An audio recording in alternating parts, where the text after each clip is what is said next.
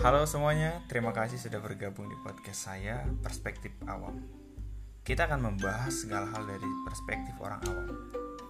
Di setiap segmen, kita akan membahas segala hal, mulai dari buku, film, kehidupan sehari-hari, self improvement, religiusitas segala macamnya.